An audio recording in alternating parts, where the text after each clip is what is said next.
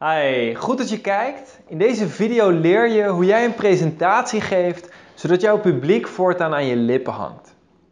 Mijn naam is Pim Jansen. De afgelopen jaren heb ik het geluk gehad om honderden presentaties te mogen geven voor bedrijven, verenigingen en natuurlijk dit soort videoblogs. En misschien heb jij op dit moment binnenkort een presentatie. Misschien geef je regelmatig presentaties. Of misschien wil je gewoon beter worden in het geven van presentaties. En vraag je je af, wat kan je nou concreet doen om snel betere presentaties te geven? Daarvoor heb ik in deze video drie tips voor je. Laten we aan de slag gaan. Tip 1, mijn eerste tip wat ontzettend belangrijk is, is weet wat je doel is. Ben je bewust van wat is jouw doel bij een presentatie? En dat doel is eigenlijk tweeledig. Allereerst heb je wat is jouw doel voor jezelf? Wat wil jij eruit halen? En als tweede is wat is je doel voor je publiek? Nou, laat me dat heel eventjes iets verder uitleggen. Wat is jouw eigen doel? Geef je een presentatie om te informeren? Geef je een presentatie om mensen bepaalde vaardigheden aan te leren? Of geef je een bepaalde presentatie omdat je gevraagd bent om die presentatie te geven door iemand? Of geef je een bepaalde presentatie om je product te verkopen? Of geef je een presentatie binnen een bedrijf om je collega's ervan te overtuigen dat jouw idee het beste idee is? Het zijn allemaal verschillende ideeën van waaruit je bepaalt hoe jouw presentatie eruit gaat zien. Als je een presentatie geeft om mensen bepaalde vaardigheden aan te leren, dan ziet die presentatie er soms net eventjes anders uit dan een presentatie om je product te verkopen. Maar vervolgens heb je ook nog het doel voor wat wil je dat jouw publiek eruit haalt. En daarbij is het ontzettend belangrijk dat je niet te veel verschillende doelen hebt. Wat ik heb gemerkt is, toen ik begon met het geven van presentaties, zo'n vijf jaar geleden, als ik dan een presentatie van een uur gaf, dan vond ik dat allereerst vond ik dat hartstikke lang om een uur lang te presenteren. En dan had ik tientallen verschillende doelen voor alle informatie, wat ik allemaal wilde dat zij eruit zouden gaan halen. Want ik had allerlei boeken gelezen over persoonlijke ontwikkeling en over jezelf kunnen verbeteren. En ik wilde al die kennis, al die informatie wilde ik overbrengen op mijn publiek. Nou, wat was het gevolg? Mijn publiek kreeg een totale overload aan informatie. Omdat ik zoveel verschillende concepten, zoveel verschillende modellen met ze wilde delen, werd het eigenlijk te veel. Het stomme is dat zelfs als het niet te veel is, zelfs als ze het dan nog begrijpen, dan komt het nog niet echt binnen, omdat alles maar een klein beetje behandeld wordt. En dan kan je niet echt de diepte ingaan en niet echt één ding behandelen, zodat mensen daar het gevoel bij krijgen van hé, hey, hier wil ik echt mee aan de slag. Dus wat ik gedurende de afgelopen jaren heb geleerd is om tijdens een presentatie, als een presentatie laten we zeggen 60 minuten duurt, om dan maximaal één of twee doelen te hebben voor die presentatie. Dat wil zeggen, als ik 60 minuten een presentatie geef, dan wil ik één doel hebben wat ik in ieder geval wil dat de mensen eruit halen. En natuurlijk behandel ik wel meer, natuurlijk geef ik wel meer strategieën en dingen weg. Alleen één ding is echt de centrale focus. En van één ding wil ik in ieder geval dat mensen dat meenemen. En denk er maar eens over na. Als jij een presentatie van een uur kan geven en daarna mensen één ding echt kan laten toepassen, heb je al veel meer bereikt dan de meeste presentaties waarbij mensen een hoop informatie op doen, waarbij mensen denken, oh dat is leuk, maar er vervolgens geen actie mee ondernemen. Mijn doel tijdens een presentatie is om niet te informeren, maar voornamelijk te inspireren. Dat wil zeggen mensen aan te zetten tot actie. In de volgende twee tips ga je leren hoe je dat inspireren dan precies doet. Tip 2 om presentaties te geven waarbij je publiek aan je lippen hangt, is vertel verhalen opnieuw, toen ik vijf jaar geleden begon met het geven van presentaties, toen had ik zoveel boeken gelezen over persoonlijke ontwikkeling, zoveel trainingen gevolgd, dat ik al die kennis, al die verschillende feitelijke informatie graag over wilde brengen op mijn publiek. Probleem was dat ik heel erg de overtuiging had, al die auteurs die miljoenen mensen hebben bereikt en die miljoenen kopieën hebben verkocht van hun boek, die weten het eigenlijk stiekem beter dan ik. Dus ik kan maar beter hun theorie overbrengen in plaats van mijn eigen mening erover te geven. Want wie ben ik? ik had zoiets, ja, ik ben hier pas net mee begonnen en al die verschillende auteurs die hebben zoveel autoriteit, die hebben zoveel expertise. dat ik zoiets had, nou, ik, ik, ik geef gewoon die verhalen door. Of ik geef gewoon die theorieën door, die modellen door. Nou, wat was vervolgens het gevolg? Mensen kwamen na een presentatie naar me toe en ze zeiden, ah, het was hartstikke leuk. Ik heb heel veel geleerd. En dat, dat, is leuk om te horen tijdens een presentatie als je begint met presenteren. Maar als je op een gegeven moment wat jaren ervaring hebt, dan wil je liefst niet horen: het was leuk, ik heb veel geleerd. Liefst wil je dingen horen zoals: wauw, dit heeft echt een impact gemaakt. Ik ga dit en dit veranderen in mijn leven. Of ik realiseer me nu plotseling dat ik het echt anders wil doen. Of wauw, dit was een van de meest inspirerende dagen waar ik ooit geweest ben. He, liefst wil je dat soort dingen horen. En je kan natuurlijk niet elke keer dat te horen krijgen. Maar je wil in ieder geval het grootste deel van de presentaties die je geeft, wil je dat soort feedback krijgen. Je wil eigenlijk op zoek gaan naar een presentatie die levensveranderend kan zijn voor mensen. Daarvoor is het heel belangrijk om je eigen dingen te delen. Wat ik geleerd heb is dat door puur die theorieën te delen, is wel leuk, alleen bij mensen komt dat abstract binnen. mensen hebben dan een abstract concept, een theorie van iets wat ze zouden kunnen toepassen in hun leven. Alleen 99% van de gevallen passen ze het niet toe in hun leven. Hoe komt dat? Dat komt omdat ons denkstuk in ons brein, dat is onze neocortex, dat is het deel van onze brein waarmee we logisch nadenken, waarmee we theorieën verwerken. Dat is niet hetzelfde stuk van ons brein als waarmee we emoties verwerken. En dat stuk waarmee we emoties verwerken, dat is het reptiele brein, dat is ook het stuk waarmee we actie nemen. Dat wil zeggen, op het moment dat je een bepaalde emotie voelt, dan bepaalt dat eerder welke actie je neemt, welke beslissingen je maakt, dan wat je je daarvoor bijvoorbeeld concreet hebt voorgenomen. Of de theorieën, of hoe je eigenlijk weet dat het hoort. Ja, denk er maar eens over na. Iedereen weet dat het niet goed is om ongezond te eten, dat junkfood slecht voor je is. Iedereen weet dat roken slecht voor je is. Iedereen weet dat het goed is om regelmatig te gaan sporten. Alleen hoeveel mensen doen het ook daadwerkelijk? Meeste mensen laten zich voornamelijk meeslepen door hun emoties. Het komt omdat dat een ander deel van het brein is. Nou, hoe kan je dan werkelijk inspirerende presentaties geven? Door die verhalen voor jezelf te vertellen. Door te vertellen over wat jij hebt meegemaakt en wat jij hebt geleerd.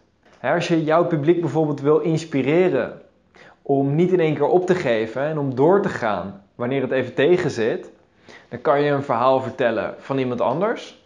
Of je kan een bepaald abstracte theorie vertellen over hoe als je het keer op keer probeert dat je dan uiteindelijk zal gaan slagen. En de theorie kan je erbij trekken van de 10.000 uren regel. Dat het uiteindelijk blijkt dat de meeste mensen die 10.000 uur erin hebben gestoken uiteindelijk veel beter worden. En je kan allerlei mensen erbij betrekken, allerlei voorbeelden erbij betrekken. Van mensen die duizenden keren zijn gefaald in hun leven. En uiteindelijk iets hebben gedaan waardoor ze toch zijn geslaagd. Het vreemde is dat je die duizenden voorbeelden erbij kan betrekken. Alleen dat het vaak beter is om één verhaal te vertellen. En het beste verhaal is vaak nog het verhaal wat je zelf in je hebt. Waarom is dat het beste? Omdat als ik continu verhalen vertel over andere mensen, dan krijg je al snel het gevoel van ja, maar dat zijn die andere mensen, die zijn zo groot, zo ongrijpbaar, daar kan ik me niet aan relateren. Terwijl een van de belangrijkste doelen op het moment dat je een presentatie geeft, is om te zorgen dat jouw publiek zich aan jou kan relateren. Dat jouw publiek zoiets heeft, hé, hey, maar als hij of zij het kan, dan kan ik het ook wel. Dus je wil liefst die verhalen vertellen van, vanuit je eigen leven, van hé, hey, wat heb ik meegemaakt? Waar ben ik tegen aangebotst? Wat had ik toen voor limiterende overtuigingen? Wat geloofde ik op dat moment dat ik eigenlijk niet zou kunnen? En hoe heb ik die les geleerd om dat toch te doen? Of wat heb ik daaruit geleerd? Een van de dingen die voor mij een belangrijk inzicht waren, is vroeger durfde ik eigenlijk alleen maar verhalen te vertellen als ik wist dat het echt een soort zero to hero story was. dus dat ik ergens vroeger heel slecht in was. Bijvoorbeeld vroeger was ik ontzettend verlegen. Als ik iemand op straat om de tijd moest vragen, dan sloeg ik al dicht. En later werd ik daar een stuk zelfverzekerder in. Ben ik bijvoorbeeld in de verkoop gaan werken en heb ik daar een behoorlijk succes op gebouwd. Nou, en dan kan ik dat verhaal vertellen, omdat ik daar echt van ver gekomen ben. En uiteindelijk veel bereikt heb. Alleen het grappige is dat je ook verhalen kan vertellen waar je minder gigantische dingen hebt bereikt. Hè? Vroeger had ik heel erg de overtuiging van ja, pas als ik miljonair ben geworden en pas als ik honderden, duizenden mensen heb bereikt, dan kan ik echt mijn eigen verhalen gaan vertellen. Want tot die tijd hou ik me nog gewoon vast aan alle experts. Dat werkt niet. Je publiek wil je juist aan jou kunnen relateren. En ook door kleinere verhalen, ook door kleinere dingen die gewoon inspirerend zijn, dingen waar jij een les uit hebt gehaald, of dingen die jij nu anders doet dan vroeger, ook daaruit haalt je publiek echt hun lessen. Dus dat is mijn tweede tip voor presentaties waardoor je publiek aan je lippen hangt.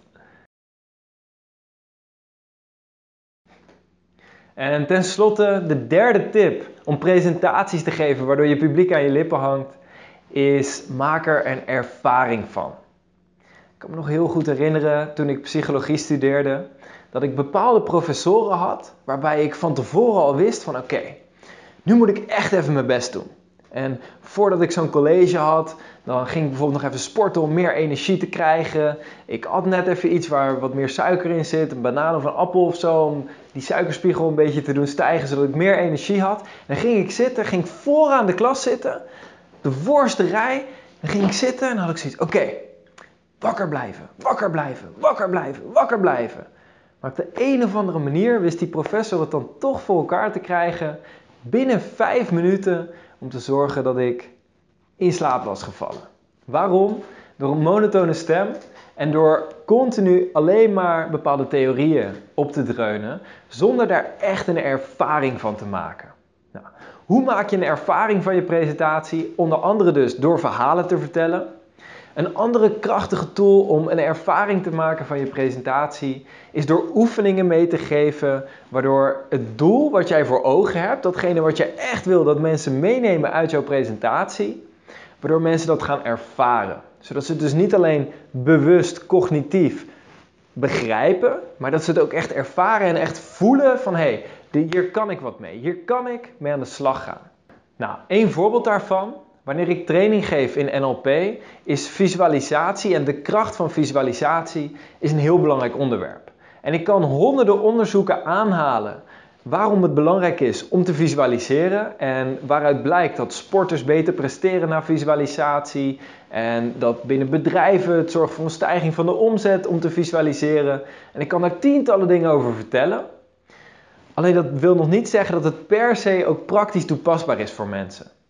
Terwijl als ik de volgende oefening doe, die ik je zo ga laten zien, dan voelen mensen het ook echt. En dit is dan ook een oefening die ik eigenlijk praktisch elke keer doe in het begin van een training of een workshop over NLP of persoonlijke ontwikkeling, zodat mensen kunnen ervaren wat het voor ze oplevert om te visualiseren. Nou, kijk even kort naar de oefening. Als je het leuk vindt, kan je uiteraard gelijk meedoen met de oefening. Altijd goed. Oké, ik ga bij deze demonstreren. Ik leg uh, mijn hand zo op je schouder. Wat we gaan doen is allereerst ga ik heel erg mijn best doen om mijn arm met spierkracht te blijven strekken. Terwijl jij mag dan met je handen maar hier en dan dat proberen te tegen te houden. En dan mag jij mijn arm, je mag rustig dan de druk opvoeren totdat ik het niet meer hou zo. Is goed? Yes, oké.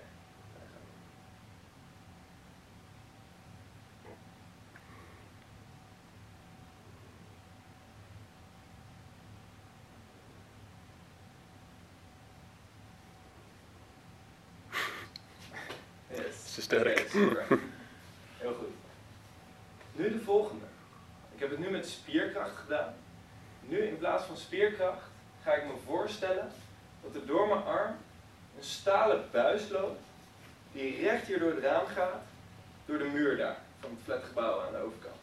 Dus ik ga geen spierkracht gebruiken, maar ik ga me gewoon heel sterk voorstellen dat er een stalen pijp door mijn arm loopt. Yes, en dan mag jij opnieuw inderdaad. is heel anders.